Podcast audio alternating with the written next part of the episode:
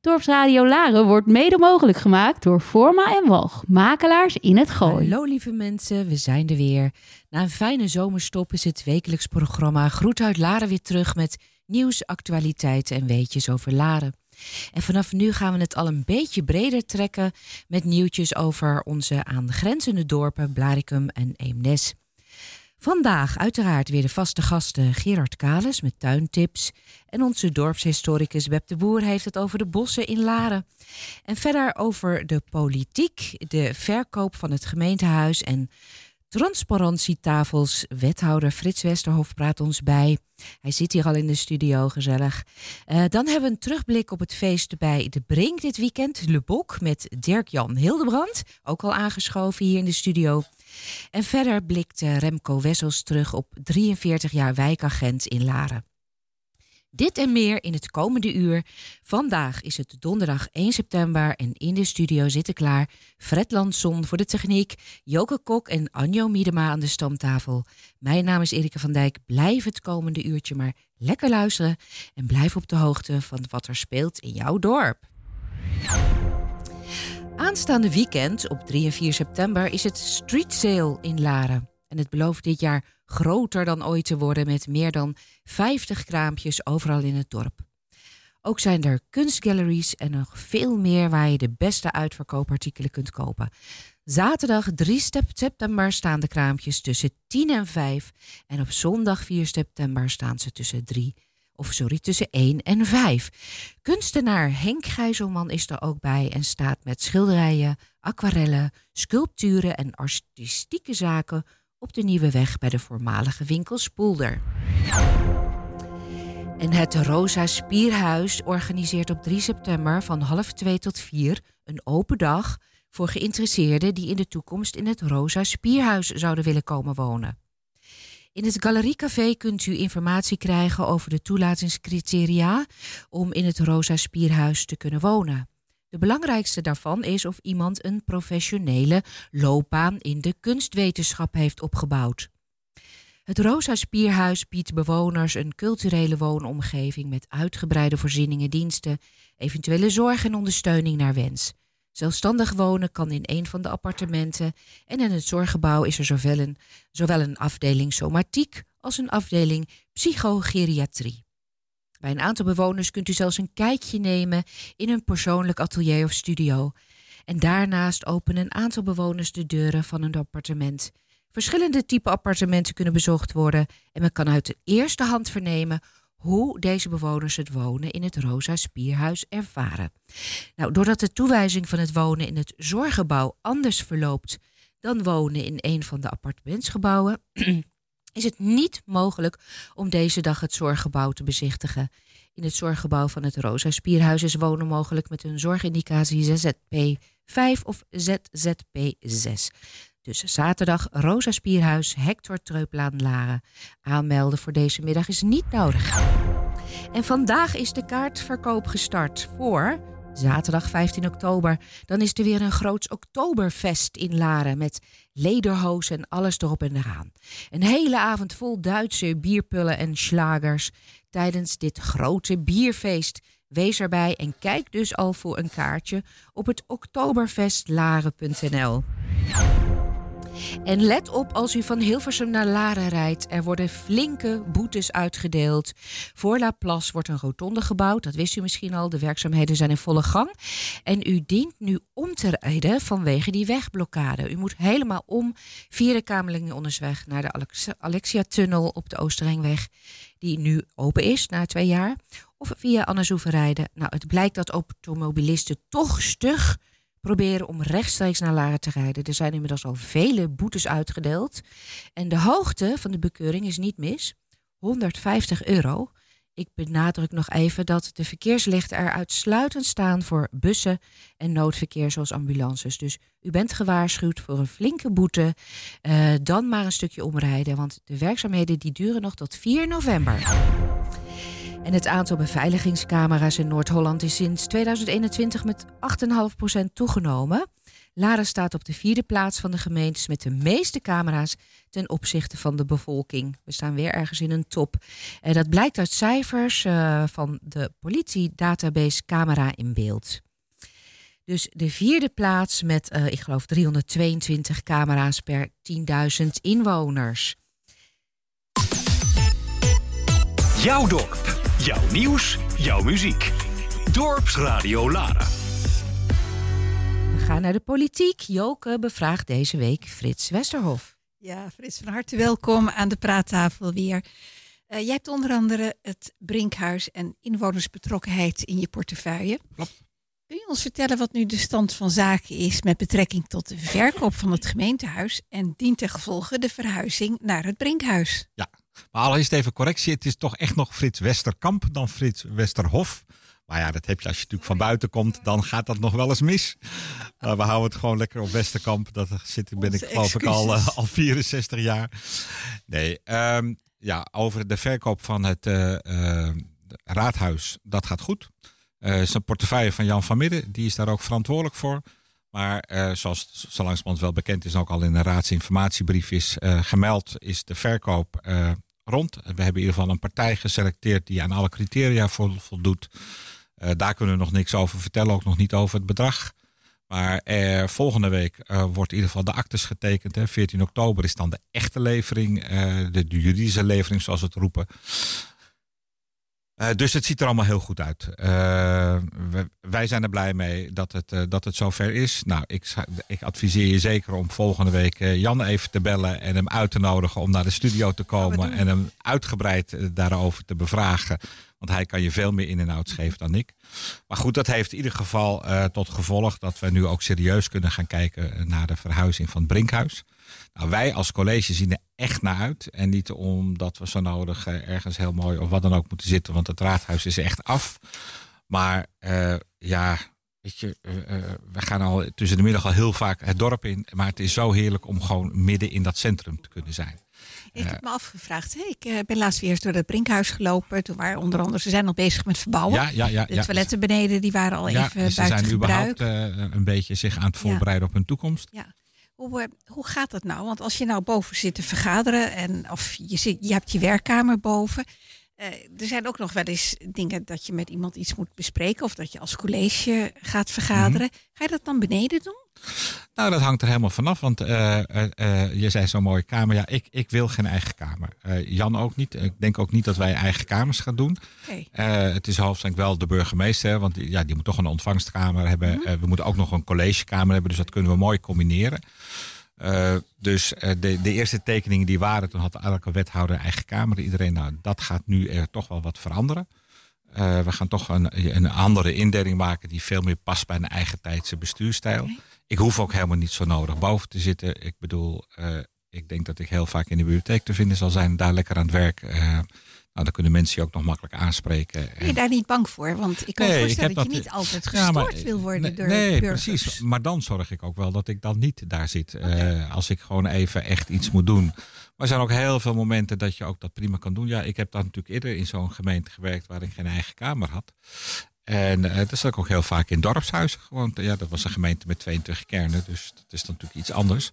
Maar dan zat ik ook heel vaak gewoon in een dorpshuis. Of uh, ze hadden in, uh, in het dorp het veld een supermarkt die door de inwoners was gesticht. En die had een soort ja, koffietafel. Daar zat ik ook wel eens aan. En dat vond ik echt heerlijk. En daar zat boven ook een kamer als ik even rustig iemand wilde ontvangen. Dan kon dat prima.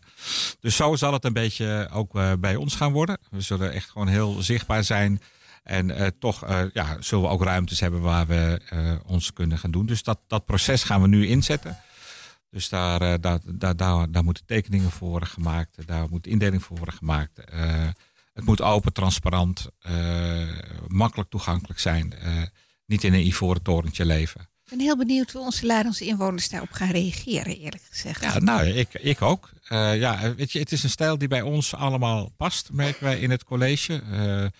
Kijk, ik, zit, ik heb nu ook, nou ja, je, je, je, hebt dat daar wel eens gezien. Dat zijn van die hele grote kamers. En er staat een bureau en dan een ta zo'n tafel als waar wij nu aan zitten. Ja. Ik zit dus aan die tafel altijd, want ik, ik, een bureau voegt mij niet. Oké. En, en, en, en een kamer voegt mij eigenlijk Nee. ook niet. Ik ben, de- ik ben zo gewend digitaal te werken en dat kan overal.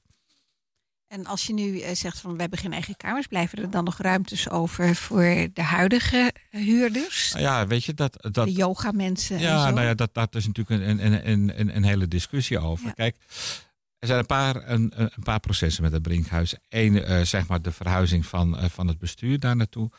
Maar ook eh, het Brinkhuis moet zo steeds meer toch eh, zoveel mogelijk. Natuurlijk zullen ze altijd wel subsidie krijgen van de gemeente, maar veel beter hun eigen broek moeten ophouden. Mhm. Nou, Leon Schouten is eh, sinds zeer recent benoemd tot directeur. Tot mijn grote vreugde ook. Ik ben echt heel blij dat hij dat wilde gaan doen.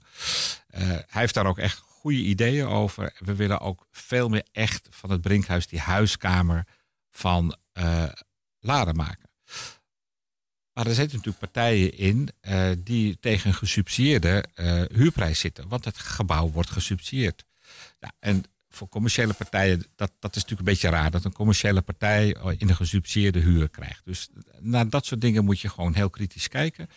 En het is helemaal niet erg als ze dan meer huur maken. Maar hè, er zijn natuurlijk een aantal van die mensen die daar yoga, ook dans geven. Die zeggen, ja, maar we hebben een hele belangrijke functie voor de oudere mensen. Sociaal contact. Daar ben ik helemaal met ze eens. Maar ja, daar zijn ook in het kader van de WMO subsidiepotjes voor. Dus dan moet je dat gewoon via die weg doen. Dus nou ja, het is een hele transitie Ja. waar we ook met het Brinkhuis ingaan. Eh, maar we willen het echt die huiskamer maken wat bruist. eh, waar ook straks eh, dingen van bijzonder Laren ook meer gebeuren. Waar een toeristisch informatiepunt komt. En het grappige is ook dat de vrijwilligers eh, van het Brinkhuis daar ook voor staan te popelen. Die hebben echt zin om meer te doen dan dat ze nu doen. En dat is heel leuk. Ik ben heel benieuwd hoe het proces zich verder verloopt, ook Ja, met de huidige huurders. Zeker, Dus, zeker. eh, En dat zal af en toe best discussie geven. En verandering is natuurlijk altijd heel lastig. Maar eh, we gaan het wel zorgvuldig doen. We gaan het volgen als Dorpsradio. Zeker, zeker, dat snap ik. Verder ehm, zitten we nu net na het zomerreces. Iedereen is weer vol goede moed begonnen aan zijn taken. En eh, ook het politieke seizoen is weer begonnen. Kun je ons nu vertellen welke politieke items hoog op de agenda staan, zeg, de komende twee maanden? Welke knopen moeten doorgehakt ja, er worden? moeten, of, er eh, moeten zeker een aantal knopen worden doorgehakt. Ehm, nou, zo- zoals net was zo mooi, Erika had het over de transparantietafels. Maar Mhm. We willen ook transparantie, maar het zijn thematafels. Hè. de Eh, transparantietafel is veel leuker. Ja, het klinkt wel leuk, maar het is juist met de thematafels. Nee, er zijn een aantal onderwerpen die, die echt onze grote aandacht hebben. Dat is gewoon überhaupt de hele mobiliteit eh, van eh, Laren. Eh, verkeersstromen, parkeren. We zijn ook toevallig toe aan een nieuw, want het oude gemeentelijk vervoersplan loopt af. Dus we willen eigenlijk een nieuwe mobiliteitsvisie maken. Eh, nou, daar hebben we de inbreng van de samenleving hard bij nodig. Eh, er zit ook veel kennis hier eh, van mensen die in buurten wonen, et cetera. Allemaal mensen, want nou ja, ik hoor nu niets meer. Nee, ik ook niet. Maar goed, wij praten gewoon door. Ehm, dus er moet een nieuwe mobiliteitsvisie komen. Dus dat betekent dat we ook echt goed in beeld moeten gaan brengen. Wat gaan we doen met verkeersstromen? En we hebben in het coalitieakkoord ook gezegd... we willen eigenlijk Laren autoluw maken. Zeker rond het, eh, rond het centrum. Nou, daarover gaan we zeker thematafel doen. Dus dat zal, ehm, ik vermoed zo rond, eh, rond oktober, november gaan plaatsvinden. Hoe gaat dat? Want Ja, hoe dat krijg is- je die mensen aan tafel? Zet Nou. je in de Larense Bel een oproep voor leiders? Meld je aan? Ja, deels, deels zal het zijn. Deels zullen we ook mensen benaderen van wie we weten dat die een bepaalde kennis van zaken over thema's hebben. Hè. Ehm, ik, ik, ik- toevallig heeft Jan laatst iemand, eh, iemand gesproken die de directeur is van de kerncentrale Borselen, maar die woont hier. Maar die heeft heel veel kennis over duurzaamheid en duurzame energie. En die heeft alles gezegd van, oh joh, als jullie zoiets organiseren, ik schuif graag aan.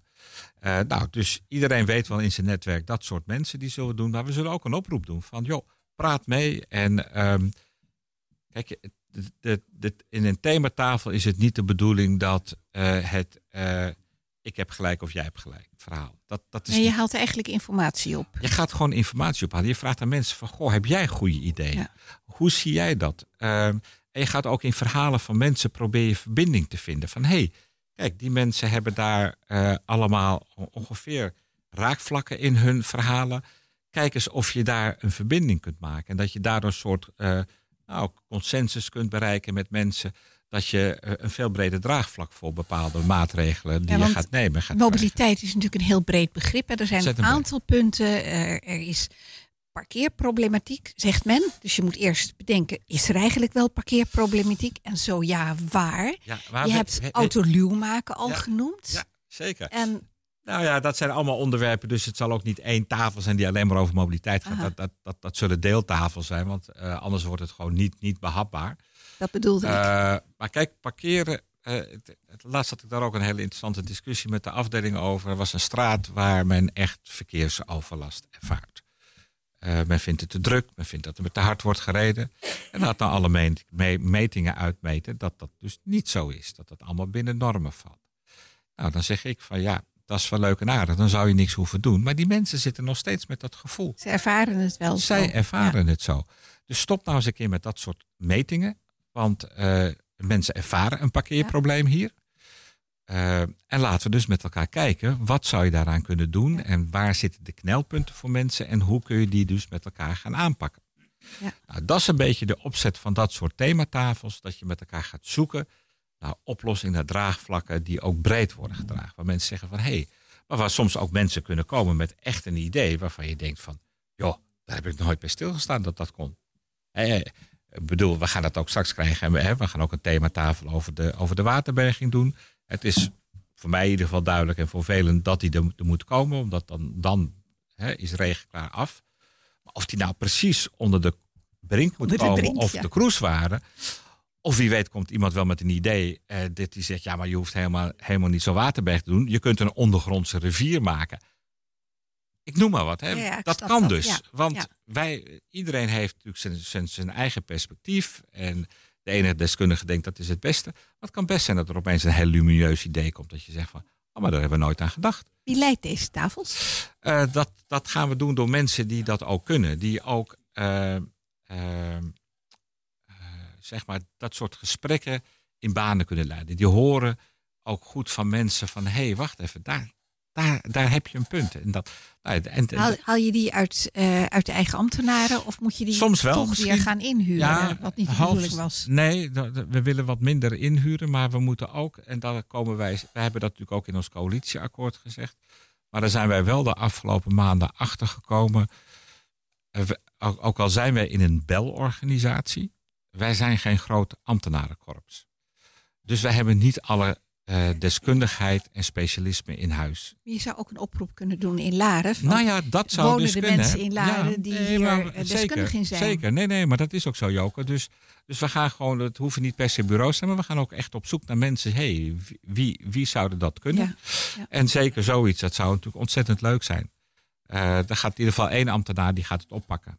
En eh, die gaat dat eh, nu eh, vormgeven van. nou ja, want ja, ik heb ook mijn collega's nu gevraagd, jongens, wat voor thematafels hebben jullie in het Heb je een tijdspad? Wanneer zou de eerste thematafel Ja, georganiseerd ik, ik, kunnen ik worden? hoop dat hij eigenlijk in, in oktober de eerste van, van de start kan gaan. Ja, Dus luisteraars, hou de kranten in de gaten, de lokale ja zeker, en, zeker, zeker. En ook reageer op oproepen wil ik eigenlijk ja, zeggen. en- Doe en je best. ook niet, alleen, want niet alleen boos worden op Laren, Nee, of, of, maar maar, probeer te Zeker, helpen en doe zeker. mee. Oké. we moeten het echt samen doen, hè? Alleen redden wij het niet.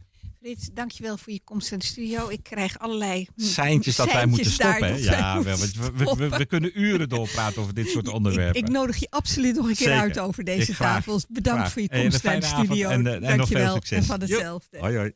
Dorpsradio Laren. Het nieuws rondom onze brink. Heeft u een tip? Meld deze via www.dorpsradio.nl of bel 035 781 0781. Ja, van de thematafels gaan we naar het feest eh, van afgelopen weekend voor het Brinkhuis. Eh Le Boc en Anjo zit aan tafel met Dirk-Jan Hildebrand. Goedemiddag. Eh, meneer Hildebrand. Dirk-Jan, wat mag ik zeggen? Je mag. Eh, nou, ik ben gewend aan heel veel dingen. Ik heb een dubbele voornaam en dan is het of Dirk of DJ of Dirk-Jan. Of... Wat jij wil. Ik luister naar heel veel dingen. Ik zeg wel Dirk. Mag allemaal. Eh, bij ons is vandaag Dirk-Jan Hildebrand. Hij is ondernemer en een van de oprichters van Le Boc. Le, Blo- Le Boc is een stichting zonder winstoogmerk opgericht door 17 Larense ondernemers. Doelstelling van de stichting is het organiseren van kleinschalige evenementen door en voor Laarders. Le Boc wil hiermee de cohesie tussen alle inwoners be- bevorderen. Het Foodtruckfestival van het afgelopen weekend was een gratis evenement dat Le Boc voor Laren organiseerde. Zij organiseert al events sinds het deelname aan Lekker Laren in 2016. Wanneer is de naam Le, Bloc, Le Boc ontstaan? Ja, dat is. ehm, eh, dat begon eh, zoals met heel veel dingen bij ons, met, met, een, met een hele eh, hoop gekkigheid eh, eh, rondom eh, de periode 2015 eh, voor in ieder geval eh Lekker Laren 2016.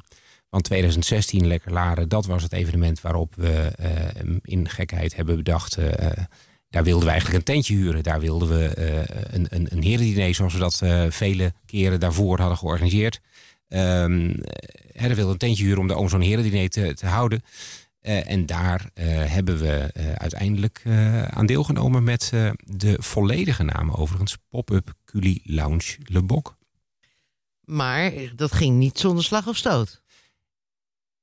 Nee, dat, dat was, ja, dat was een, een, een hoop hilariteit. Want je, je grapt met elkaar. Dat was een, een, een, de situatie was eh, eh, een van de vele herendiners die we daarvoor organiseerden met een man of 20 tot 25 bij elkaar. Eh, zullen we eens een tentje huren op, eh, het, eh, op het evenement eh, Lekker Laren om daar eens ons herendiner te houden. En als dat dan geroepen wordt, dan, eh, dan is er ineens iemand die daar serieus eh, navraag op doet. En dan blijkt dat je alleen maar mee kunt doen als je restaurant bent. Maar jullie kookten voor het herendiner zelf. Jazeker, gewoon eh, eh, wel eh, met, met fantastische ingrediënten, met prachtige gerechten voor elkaar. Eh, En met, hoe ging dat dan met het restaurantje spelen? nou, dat is, dat, dat, wij hebben dat dus serieus aangekaart bij de organisatie. En ineens moesten we een restaurantje zijn. En, en ja, wat, wat is dan grappiger om dan met 15 man ineens bij de Kamer van Koophandel op, op de stoep te zitten. Om je in te schrijven als, als restaurant. Dus we hebben dat tamelijk serieus aangepakt. En eh Lekker Laren 2016 was de geboorte van, van de Bok.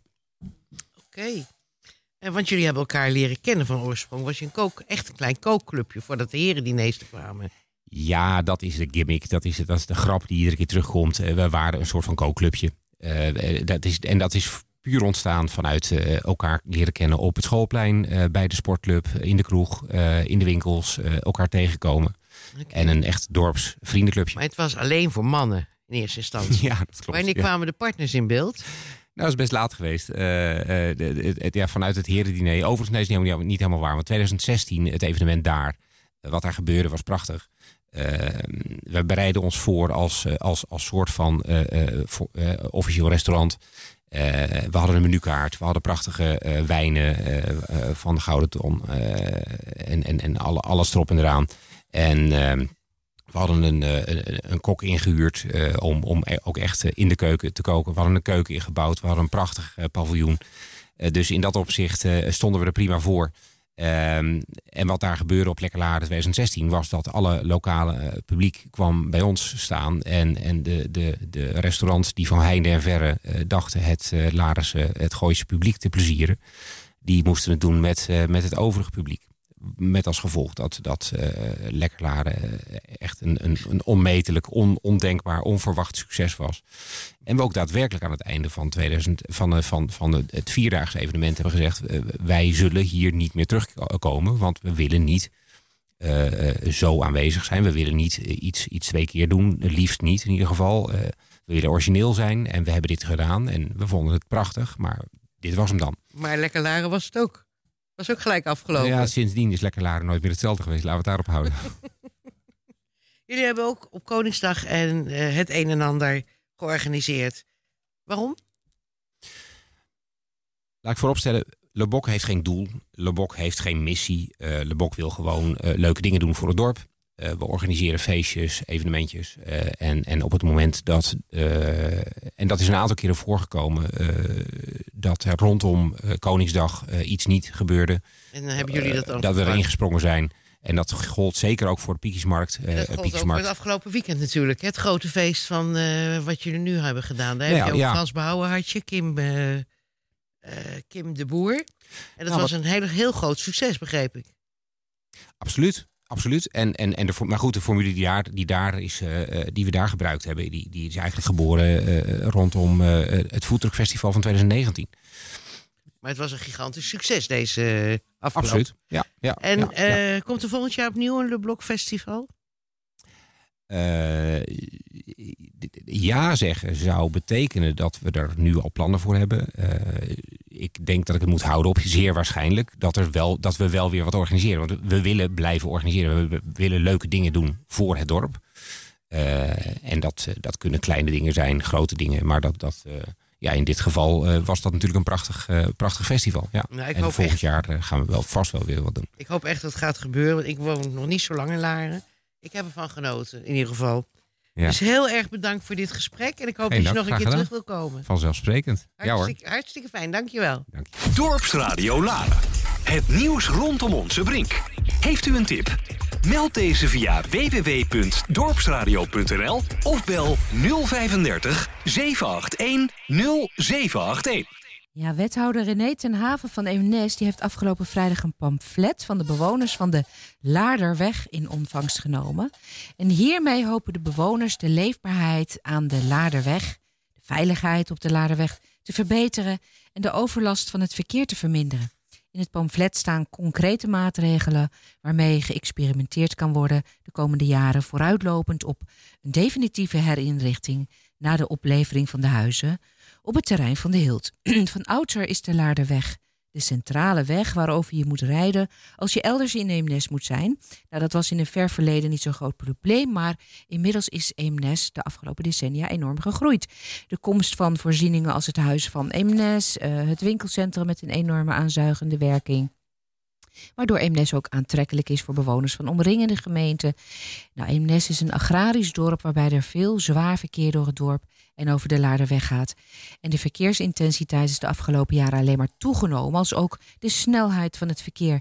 En de genomen maatregelen hebben geen of averechts effect gehad op de geluidsoverlast. En het zwaar verkeer rijdt nog met grote frequentie over de Laarderweg. Nou, al decennia lang wordt er vanuit de aanwonenden gevraagd om actie om die weg veiliger en leefbaarder te maken en om die verkeersdrukte gelijker, eerlijker en rechtvaardiger over Eemnes te verdelen. Eemnes is gegroeid en zal blijven groeien met vele jonge gezinnen. En de wethouder heeft bij de overhandiging toegezegd met de bewoners te willen streven naar een leefbare en veilige verkeersoplossing voor de eh, verkeersafwikkeling voor heel Eemnes. En we blijven even bij het verkeer, want de gemeente Eemnes heeft ook opnieuw extra maatregelen genomen om de Wakkere Dijk veiliger te maken. Na de herinrichting van de Wakkere Dijk in 2020 klaagden bewoners over te hard rijdende auto's en gevaarlijke situaties. Een wegversmalling eind juni moest het probleem verhelpen, maar dat leek juist erger te maken. Weggebruikers reden meerdere keren tegelijk tegen de geplaatste paaltjes op en bleven achter met blikschade en lekke banden. Inmiddels staat de teller op 13 ongelukken. Omwonenden zien de paaltjes en de betonblokken het liefst weer verdwijnen. En opnieuw zijn wegwerkers in de weer geweest op de Wakkere Dijk. Een aantal zwart-witte paaltjes zijn laatst in gele omhulsels gewikkeld. En dat moet de paaltjes van de wegversmalling zichtbaarder maken voor automobilisten. En in de loop van de maand komen er ook nog meer kattenogen in de weg, extra beleidingen die de versmalling aangeven. En een adviesbord met 30 km per uur aan de kant van Baren. Maar de maximumsnelheid blijft wel 50 km per uur. Nou, bewoners zijn niet blij met die wegversmalling en de maatregelen. Ze vinden de weg nog steeds gevaarlijk, onveilig. En ik kan uit eigen ervaring nog iets toevoegen. Ik reed gisteravond op de dijk terug naar huis. Nieuwsgierig naar die nieuwe paaltjes. En ik hield me aan de snelheid van 50 en werd bruut ingehaald door een soort straaljager. Een hele snelle bak. Vol gas, zeker 100. Met een gigantische lawaai stoof hij me voorbij. Knettergek, echt heel agressief. Dus echt vreselijk als je daar woont. En ik zou zeggen, zet er maar mobiele flitscamera's neer. Want Laren is geen racebaan, we hoorden het net al. Maar de Wakkere Dijk voor sommigen dus wel. En er is ook een petitie gestart om staatssecretaris Erik van der Burg van Asiel en Migratie ervan over te overtuigen om het voormalig asielzoekerscentrum op Krailo te heropenen. De petitie komt van de Stichting Natuur en Landschap het Gooi, die eerder ook al een brief stuurde naar de staatssecretaris. De opvangnood in Nederland is hoog en op het voormalige defensieterrein kunnen de Gooise gemeenten volgens de stichting honderden vluchtelingen opvangen. Wat de stichting betreft wordt het eh, asielzoekerscentrum op het terrein op de grens van Bussum, Hilversum en Laren weer opgebouwd om vervolgens de poorten weer te openen om vluchtelingen op te vangen. En die petitie die is sinds eh, dinsdag te ondertekenen en al tegen de 150 mensen hebben getekend. Het doel is om zoveel mogelijk handtekeningen op te halen om de staatssecretaris nog meer te overtuigen. Ehm, nou, de Gooise Stichting die zet zoveel druk omdat de asielcrisis groot is, zeggen ze. Eh, eh, mensen slapen buiten in tentjes eh, of helemaal buiten in, in Ter Apel. Op het hoogtepunt leefden er al eens zo'n duizend vluchtelingen op het terrein. En de Gooise gemeente die zouden met die heropening van Krailo volgens de stichting een goede bijdrage kunnen leveren aan de opvang van vluchtelingen. En voor het gooien betekent dit een serieuze duit in het zakje. Want tot nu toe blijven de Gooise gemeenten volgens de stichting ernstig in gebreken als het gaat om de opvang van vluchtelingen. Ehm, de veiligheidsregio van Vechtstreek heeft eerder al laten weten dat het voldoen aan die opvang van 2000 Oekraïners en 255 andere vluchtelingen een heils karwei wordt. Het is maar de vraag of ze dat gaan halen. Maar of er ook daadwerkelijk vluchtelingen opgevangen kunnen gaan worden op Krailo is maar de vraag. Want er ligt namelijk al een heel bouwplan. Op Krailo moet de meest duurzame wijk van het land komen. Met bijna 600 woningen, zo'n 5 hectare aan bedrijventerrein. En dan wordt er nog een deel teruggegeven aan de natuur. En dat plan loopt al even. Het is dan dus ook maar de vraag in hoeverre het complex eh, nog om te bouwen is tot een asielzoekerscentrum. Maar de directeur van het project, eh, ontwikkelaar GEM, eh Krailo BV, die wilde vorige week geen commentaar geven op de brief van de stichting. Ehm, nou, we blijven het even in de gaten houden. Overigens klinkt er ook heel veel kritiek aan het adres van die stichting. eh, want veel mensen vragen zich af of de stichting alleen als doel heeft vluchtelingen op te vangen. Of dat Krailo, of dat er meer achter zit, omdat de stichting vecht voor natuurbehoud op Krailo. Als door de komst van het asielzoekerscentrum de bouwplan of Krailo vertraging oplopen of zelfs helemaal niet doorgaan, zou dat de stichting niet slecht uitkomen. Nou, u kunt kijken naar die petitie ehm, op, eh, op de website. En de gemeente Blarikum gaat Oekraïnse vluchtelingen tijdelijk huisvesten in starencaravans op recreatieterrein De Woensberg. Terrein is volgens de gemeente een geschikte locatie omdat het nu niet gebruikt wordt en een deel van de kabels en leidingen er al liggen. De eigenaar van het recreatieterrein gaat 59 staakcaravans plaatsen. En in overleg met de gemeente worden deze nu voor twee jaar beschikbaar gesteld voor de Oekraïnse vluchtelingen die nu al in de regio verblijven. Dus vooral vrouwen en kinderen, zo laat de gemeente in een persbericht weten.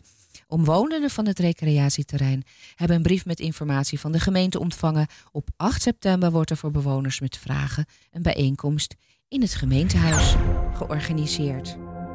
En we gaan naar Joke.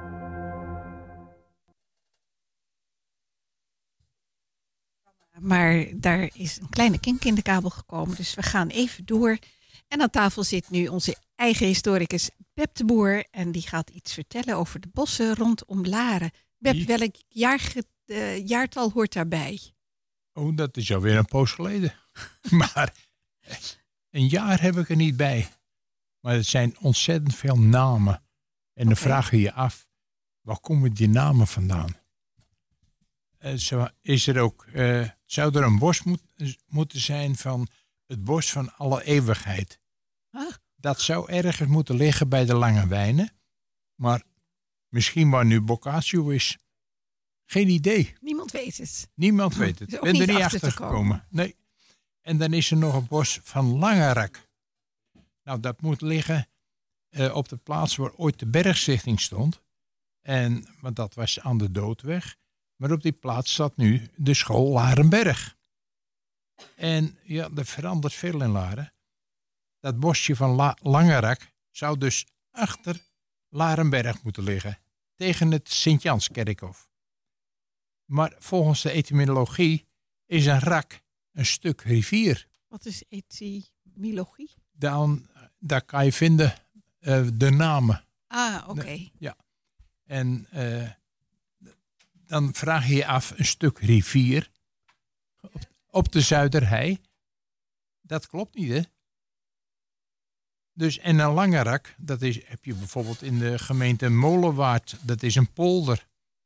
En aan de, in de Alblasserbaard heb je dat aan de Lek. Oké. Maar wij kennen het nu als een straat in Laren. Ja. En die, die straat ligt dan tussen het schoolpad en de Akkerhof. Ja, daar heb je wel eens een verhaal over gehad, volgens ja, mij. Ja, ja. Maar ja, goed. eh, dat lange rak, daar weten we nog verder niks, verder niks meer van. Dat, eh, dan gaan, stappen we over naar eh, het bosje van de Roeper. Ja, De roeper, de Roeper. Dan de je- dorpsomroeper. ja, dan denk je, jongens, waar komt die naam vandaan? Nou, dat was heel gewoon. Het was de eigenaar van de bosjes. Dat was no- notaris de Roeper uit, uit Naarden. hoe simpel kan het zijn, hè? Ja, ja, ja. En dan wordt er ook nog gesproken over de Fransmanskamer. Daar had ik nooit van gehoord. Ik heb overal gezocht. En mogelijk zou het ergens bij Hein Duvel moeten liggen. Bij het Rozelandje of de Lange Wijnen. Maar alle Eh, bossen zijn wel weg, hè, de in de meeste bossen staan, eh, is zijn villa's gebouwd. Ja. En dat is, eh, dat is zonde dan, hè? Ja. Ook kennen we het Spookbos. Dat is aan de Gooiengracht. Dat is nu een eh, kinderboerderij. Maar dat ligt weer in de gemeente Eemnes.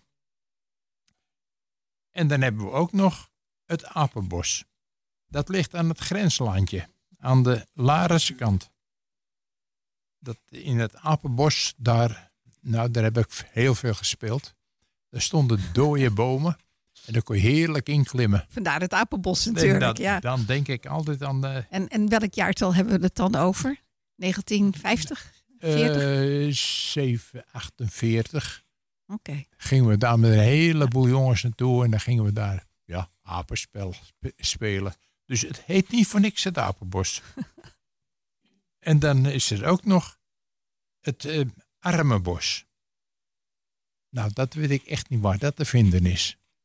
Het, is. het moet een bos zijn ergens in de buurt van eh, bij het Bluk. Maar ik heb alles nagezocht. Ik kan het niet vinden.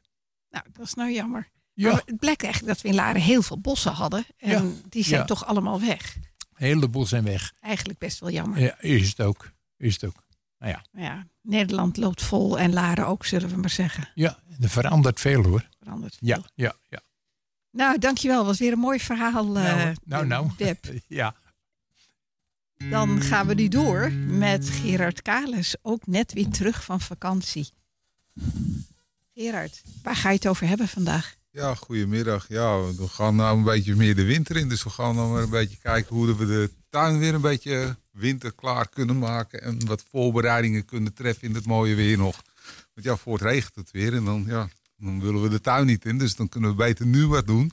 Dan dat we later weer wat gaan doen. Dus Ja, natuurlijk. ja, dus we gaan eh, nou ja, wat eh, snoeien. Nou, de, de heggen kan je nu mooi strak knippen. Dan blijven ze mooi strak, want dan groeien ze er bijna helemaal uit. Mhm. Dus dan heb je ook minder, eh, als mocht er sneeuw vallen, dat je zegt van de heggen gaan uitzakken. Dus Ja. ze blijven mooi strak. Ik hoorde jou er straks iets zeggen en dat heb ik nog nooit van gehoord. Je zei, je moet het gras gaan maaien en het maaisel moet je bij de rhododendrons gooien. Ja, ja, ja, dat klopt. Vertel. Kijk, het gras groeit nog een beetje, maar er, er zitten nog volop sappen in dat gras. En als je nou onder de rhododendrons nu met het droge weer... en dan leg je een laagje van het afgemaaide gras in... want de beste wortels van een rhododendron die zitten op de bovenlaag van de grond. Mhm. En daarom moet je het altijd toedekken met of tuinturf of een laagje blad laten liggen. Laat het laagje blad maar liggen. Strooi daar een mooi laagje met dat gemaaide gras overheen. Niet te dik, zo paksweg eh 4, 5 centimeter. Mhm. En als je dat er dan overheen haalt, dan gaat dat verteren. Ja. En dat gaat dan, die sappen die in dat gras zitten, die gaan dan ja, uit dat gras in de grond. En Ja. dan neemt die rhododendron het mee op. En dan krijg je, ja, de rhododendron wordt groener qua kleur. En ja, de bloemen die worden dan ook qua kleur wat feller. Oké, maar is dat alleen bij de rhododendron? Of Ja. kan je dat bij nog andere planten nee, dat toepassen? zou ik hoofdzakelijk bij de rhododendron doen. Ook in verband met omdat hij dan ook in de wintermaanden groen is. Ja, En dan heb je toch nog een beetje rommel eronder. Maar als je dan zeg maar dat gras eronder doet, dat wordt dan een laagje, zeg maar. Ja. En dat wordt dan eigenlijk een, een vastere laag, zodat die, ja, dat blad wat er eigenlijk nu zit, gaat die worteltje in, in groeien. En dan komt dat gras er bovenop en dan krijg je zeg maar daar weer de vaste laag. Valt dat blad er weer op en dan ja, krijg je weer een humuslaagje. En dan kan je in het voorjaar weer een laagje gras eroverheen doen. Je moet het niet te vaak doen, maar zo twee, drie keer per jaar kan je dat doen, bij wijze van spreken. Oh ja. Maar dat is voor nu, zeg maar tegen de winter aan, zou ik dat ook gewoon doen. En als je nu, eh, en je rozen, moet je die nu ook al gaan eh, snoeien? Nou, rozen, er zal her en der nog een bloemetje op zitten. Dat zou ik gewoon laten zitten. En die gaan gewoon nog door. Maar daar zou ik wat later in de tijd gaan eh, snoeien. Dat zou ik nou niet doen. Dan zou ik pakweg november. En dan zeg maar een beetje zo tussen de knie en de enkel in afknippen. Ja, ja. En dan die hoogte. En dan gaan we van het voorjaar gaan we ze lager knippen. En dan heb ik nog een andere vraag. Je had het net over eh, de heggen. Ja. Geldt dat wat je zei, dat we nu kunnen beginnen met die heggen, geldt dat voor alle soorten heggen?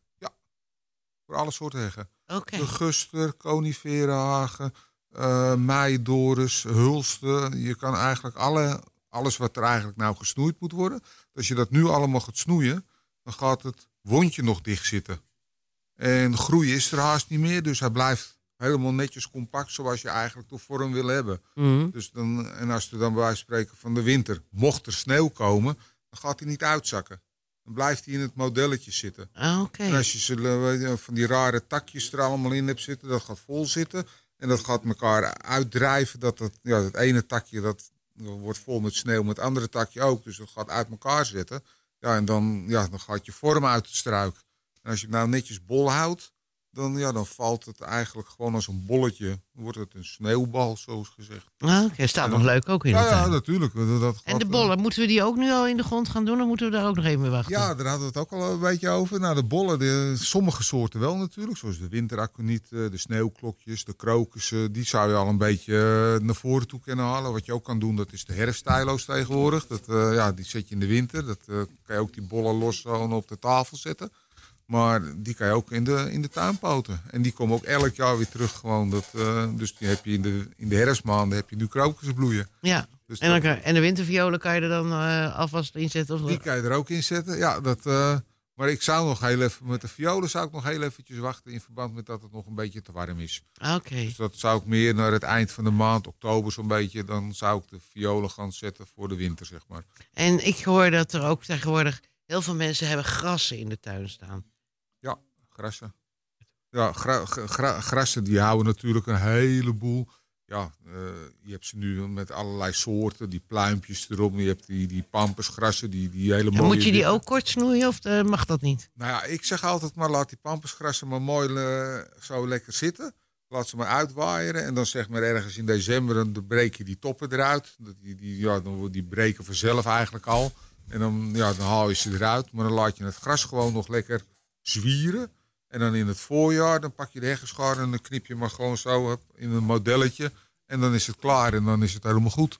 Dus eh, dan, dan, dan heb je zeg maar het nieuwe gras komt er dan weer tussendoor en dan komt het weer goed. Oké.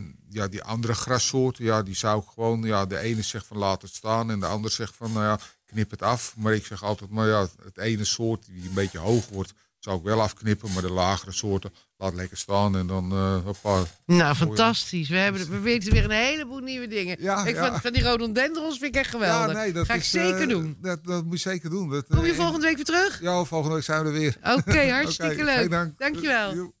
Dorpsradio Laren Nou, sponsoren? dan is toch het Kijk op onze website dorpsradio.nl of bel 035 781 0781. 035 Nou, aan Remco 781 Wessels. 0781. Hij heeft op 22 augustus de erepenning van de gemeente Laren gekregen. En ik ging afgelopen maandag naar hem toe voor een terugblik op 43 jaar werken als agent in Laren. Ik ben op de politiepost in de brandweerkazerne en naast mij zit wijkagent Remco Wessels. Remco kreeg op 22 augustus de erepenning van de gemeente Laren. Hij behoort nu tot het selecte gezelschap van 44 mensen die sinds 1980 deze erepenning hebben gekregen. Remco is 43 jaar wijkagent en heeft onder vijf burgemeesters gediend. Remco, van harte gefeliciteerd. Hoe voelt dat nu? Dankjewel. Ja, dat voelt heel eh, eh, eervol. Eh, ik ben er ongelooflijk trots op dat ik hem heb gekregen. Maar ik wil even terug naar de introductie. Ik werk 43 jaar in Laren. En ik ben vanaf 96 ben ik wijkagent in Laren. Maar goed, ze zeggen wel eens tegen mij dat ik voor die tijd ook al wijkagent was. Alleen toen noemden ze het nog niet zo.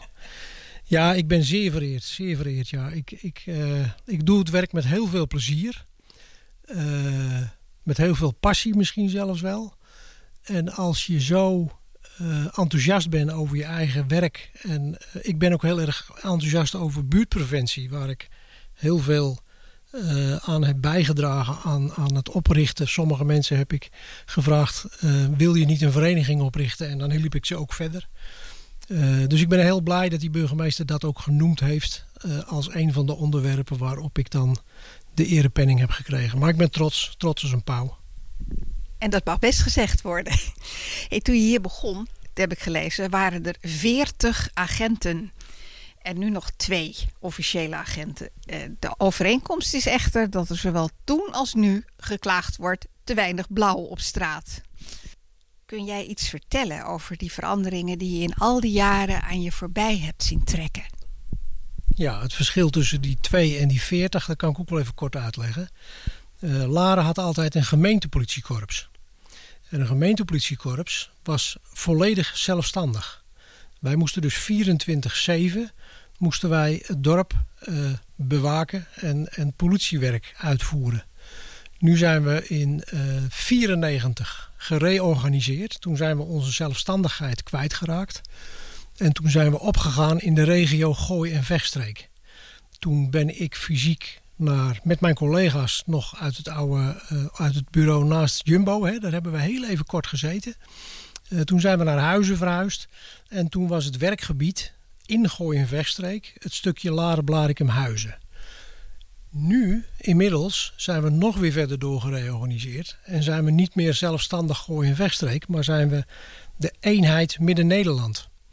En dat is de provincie Utrecht, Gooi en Vechtstreek en Flevoland. En uh, de helft van Gooi en Vechtstreek, dat is het team waar ik deel van uitmaak. Dat is uh, Laren, Blarikum, Huizen. En dan Bussum, Naarden, Muiden, Muidenberg. Dat is één team. Daar zitten volgens mij ruim 100 uh, collega's in van de recherche, van verkeer, allerlei verschillende disciplines, allerlei verschillende taakaccenten. En die zijn ook allemaal verantwoordelijk voor Laren. En natuurlijk de rest van het team. Die zijn gehuisvest in Naarden en die draaien hier de 24-7 politiezorg. Er zijn twee wijkagenten en die zijn eigenlijk achter de eerste linie een beetje verantwoordelijk voor uh, wat langdurige problemen, wat zwaardere problemen uh, op te lossen met netwerkpartners. En uh, ja, dat is een hele mooie rol, want je moet een, een, netwerk opbouwen in het dorp. Dat moet je onderhouden en dat moet je aanspreken als er problemen zijn die opgelost moeten worden. Dus twee, dus twee is eigenlijk niet helemaal conform de waarheid. Maar eigenlijk ben jij toch wel het gezicht in Laren. Kun je nou eens een voorbeeld noemen waar, van, van een incident of een probleem wat er speelt in Laren waarop je zo'n netwerk nodig hebt? Ja, ja de, de, kijk, de gemeente is natuurlijk een, een ongelooflijke grote partner hè, voor ons. En uh, uh, de politie die is, die is toch best wel ingrijpend veranderd. Hè? Want met 40 mensen hier in de gemeente, binnen de gemeentegrenzen van Laren en dan moet je dus wel 24 uur diensten uh, mee vullen. Hè? Dus, dus het is niet zo dat ze allemaal tegelijk in dienst zijn. Uh, je hebt vrije dagen, vakantieverlof en een vroege nacht en een late dienst. Dus het wordt helemaal uitgesmeerd. Hè? Uh, maar toen hadden we een, een, behoorlijk hoog niveau van toezicht natuurlijk. Want we hadden hier altijd twee auto's rijden eigenlijk in het dorp. We hebben samengewerkt met Blaricum. Die leverde dan personeel voor een late dienst en dan werkten we samen. Maar dat gebied was natuurlijk niet zo groot. Tegenwoordig is het, het gebied veel groter. Uh, de druk uh, is ook wat hoger geworden. Hè. De maatschappij wordt steeds onrustiger. Dus we kunnen soms, onze toezichttaken, die zijn soms ja, moeilijk te vervullen. Uh, overlast jeugdplekken, die wil ik graag gecontroleerd hebben door mijn collega's. Maar op het moment dat er ergens een vechtpartij is, gaan ze niet op een overlastplek kijken. Dus ik heb wel eens bij een structurele overlastplek, heb ik de gemeente gevraagd om het, het speelplaatsje eigenlijk te ontmantelen en helemaal weg te halen. En dat is niet een sterk bot. Ik zou het zelfs een zwaktebod willen noemen. Maar dat is, daar heb je elkaar voor nodig. En als ik dan de gemeente kan onderbouwen dat er veel overlast is. Ik kan de burgers ook vragen om mij te helpen de gemeente te overtuigen. Dan ben je met z'n allen bezig in een oplossing. parkje is over, overigens weer teruggekomen, het speelparkje. En het functioneert weer prima. Ja, er was ook zo'n soort van overlast op het postiljon. Hè. Daar is een bankje waar alle vrouwen zitten die eh, hun hondjes uitlaten. En die komen dan soms morgens. En dan hebben in de nacht en de avond heeft de jeugd heeft, eh, feest gevierd daar. En dan liggen er allemaal eh, lege flessen en andere ellende. Die ze nu zelf opruimen. En ik vroeg me ook af van, ja, daar zou je eigenlijk ook iets moeten. Maar kan dat nog met de beperkte bezetting die er eigenlijk toch wel is? Ja, maar die beperkte bezetting heeft weer een, een heel ander eh, fenomeen doen opkomen. En dat zijn de BOA's. Die bijzondere opsporingsambtenaren. En eh, de gemeente die heeft er eh, voor, voor Laren een paar in dienst. Voor Blaricum en voor Eemnes. Hè, en die zijn dan ondergebracht in de belcombinatie. En die houden zich ook wel bezig met overlastplekken waar jeugd overlast veroorzaakt. Kijk, als jeugd vernielingen aanricht. Of als jeugd zich op een andere manier zo misdraagt hè, dat er strafbare feiten worden gepleegd, dan komt het een beetje naar ons toe. Maar als ze eh, rommel achterlaten, eh, een, op, op een wat lager niveau overlast veroorzaken, dan wordt het door de BOA's feitelijk opgepakt. Hè? Dus het is. eh, en en ja, ik zeg wel eens, die BOA's die zijn in mijn optiek een beetje de nieuwe gemeentepolitie. En ik denk ook dat het er steeds meer gaan worden. Nou, wie weet. Een eh, ander verhaal, je noemde het eigenlijk net al. Jij staat in heel nauw contact met de buurtpreventieverenigingen. Eh Laren heeft, als ik goed ben ingelicht, een 100% dekking BPV. Eh, hoe, hoe is dat zo gekomen? Jij stond aan de wieg van de oprichting daarvan, hè?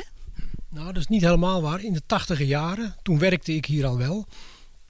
Toen werd in de omgeving van het oude Rozenspierhuis op de Essenboom... daar werd ongelooflijk veel ingebroken. En toen was meneer Vonk, die heeft volgens mij het initiatief genomen. De neighborhood watching, zoals dat in Amerika eh, eigenlijk al veel langer eh, eh, functioneel is. En die heeft dat een beetje overgehaald naar Nederland.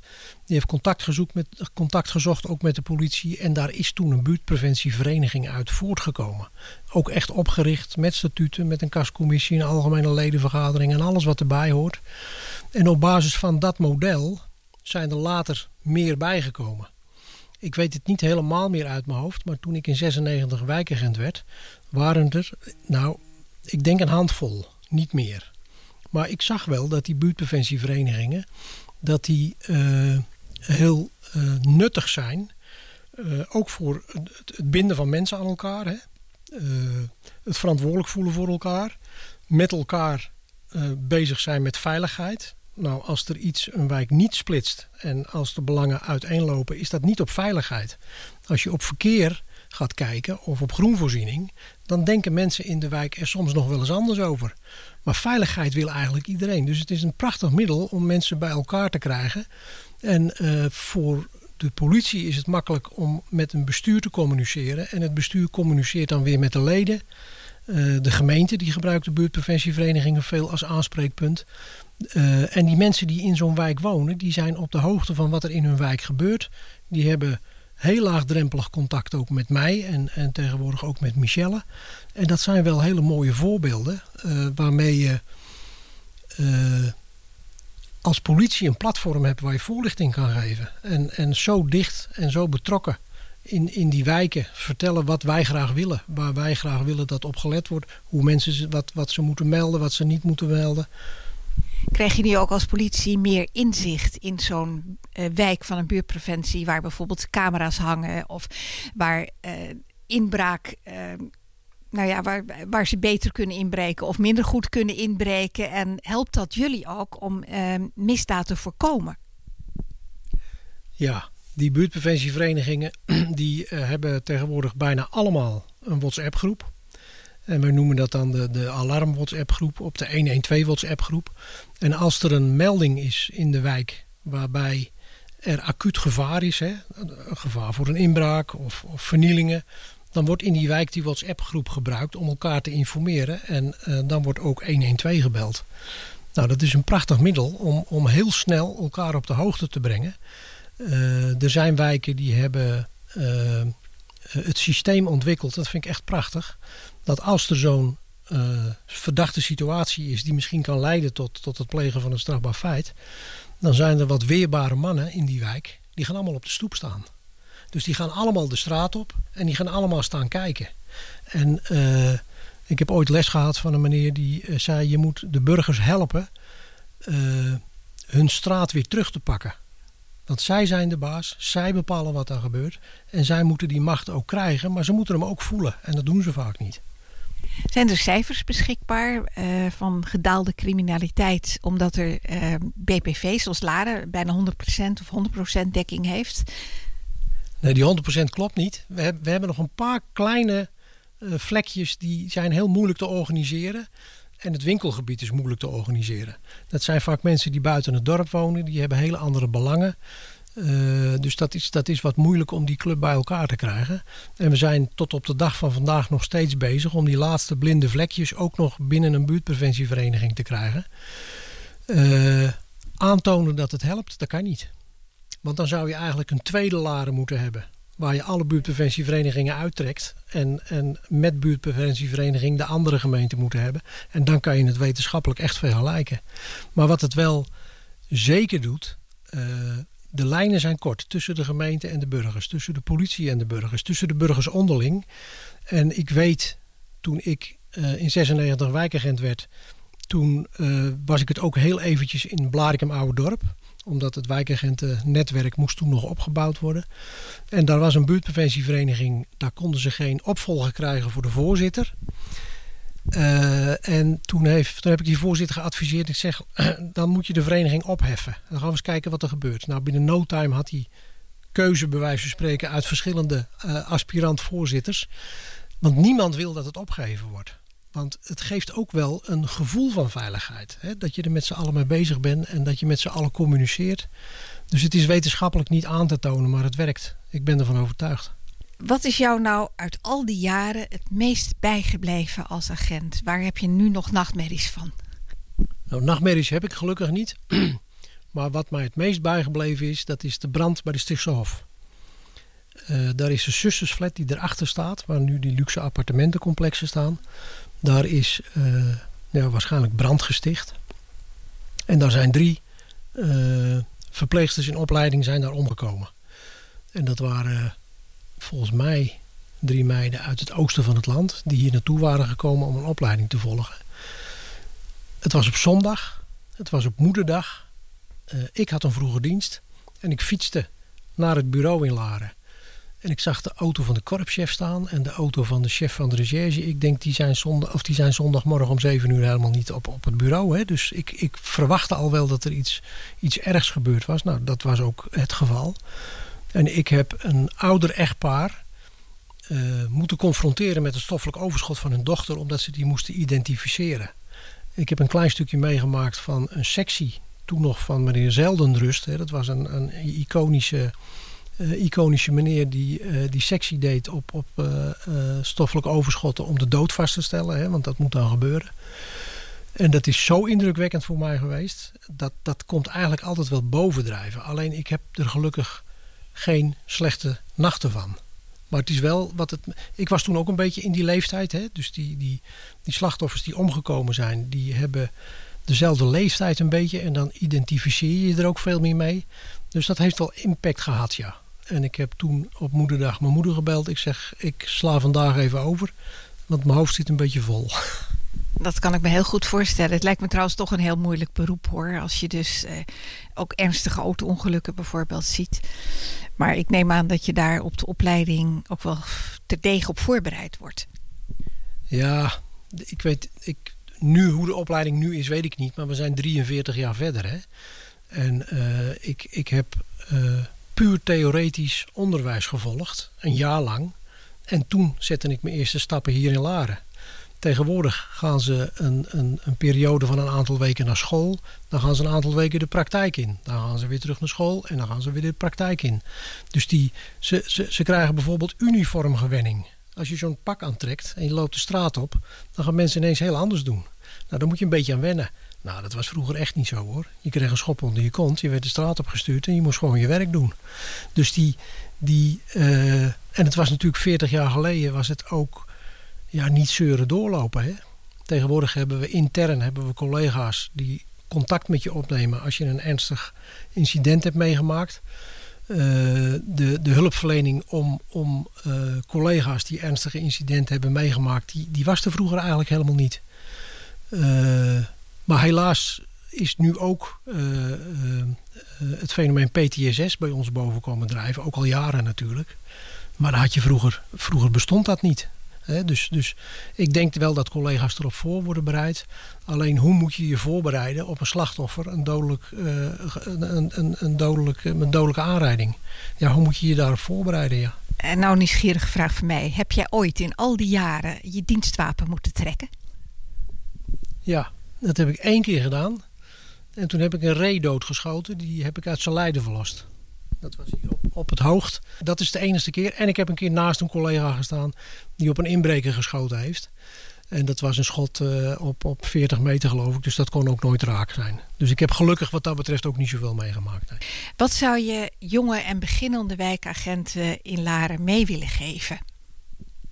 Nou, ik ben eh, eh, in de gelukkige omstandigheid dat ik een hele jonge collega naast me heb, hè, Michelle. Dat vind ik heel erg leuk, want ik vind het leuk om, om een jonge collega een beetje te laten zien hoe ik het doe. Hè. En dan moet die collega natuurlijk ook vooral eh, haar eigen eh, manier van werken daaruit ontwikkelen. Maar ik vind het leuk om dingen voor te doen. Eh, en, en die samenwerking is ook, ook heel prima. Dus dat vind ik heel leuk. Maar jonge collega's in het algemeen, die wil ik meegeven dat ze niet altijd vooraan moeten gaan staan. We hebben de, de Stichtse brug, die was eerst maar voor één deel klaar. Hè. Dat was tweebaansweg, de brug over de polder in. Dat was een hele flauwe bocht, zat er in de, in de aanloop vanaf Huizen. Door dat, eh, dat, dat stuk richting de brug. Er zijn veel dodelijke aanrijdingen gebeurd. En als je daar als eerste auto ter plaatse komt, dan moet je daar gewoon naartoe. Maar als je als tweede auto ter plaatse komt om verkeer te regelen, dan hoef je niet naar die auto toe om die gruwelijke aanblik van, van eh, een, een overleden bestuurder of inzittende te zien. Er zijn heel veel collega's die, eh, ja, het worden er hoop ik minder, die zeggen: Ik ga even kijken. Maar dan ga je je, je, je, eh, je geheugen ga je eigenlijk belasten met beelden die eigenlijk op dat moment niet nodig zijn. En, en als je daarbij wegblijft als het kan, als het niet kan, dan moet je optreden en dan moet je erheen. Dat is het advies wat ik ze wel meegeef. Want PTSS is een heel raar monster. En, en je weet nooit wanneer die emmer overloopt. Maar je bent die emmer in je loop van je carrière wel aan het vullen. Ja. Dus dat vind ik wel een heel belangrijk issue. En het is met name ook omdat een heel directe collega van mij PTSS heeft. En eh, die is ook 100% afgekeurd. Hè. Die kan gewoon zijn vak niet meer uitoefenen. En dat is best wel heel heftig om te zien. Ja. Wat zou je Laren mee willen geven uit hoofde van je functie? Ja, dat is moeilijk. Wat zou ik Laren mee willen geven? Koester de buurtpreventieverenigingen. Dat vind ik een heel mooi statement. De burgemeester noemde je immaterieel lokaal erfgoed. En ik denk dat dat het grootste compliment is dat je kunt krijgen. Remco, nogmaals gefeliciteerd en dank je wel voor het gesprek. Heel veel succes nog in Laren. Dorpsradio Ik Laren. ben op de politiepost in de brand. Ja, en het is over zes. Dat betekent dat het het einde is van het programma. Bedankt voor het luisteren. Ik hoop dat u weer wat heeft opgestoken en heeft genoten van het programma. Ook de gasten bedankt. Die zijn hier nog wat aan het nababbelen. eh, voor hun komst naar de studio en hun bijdrage. Volgende week is er weer een groet uit Laren. Nog een hele mooie avond. Dag.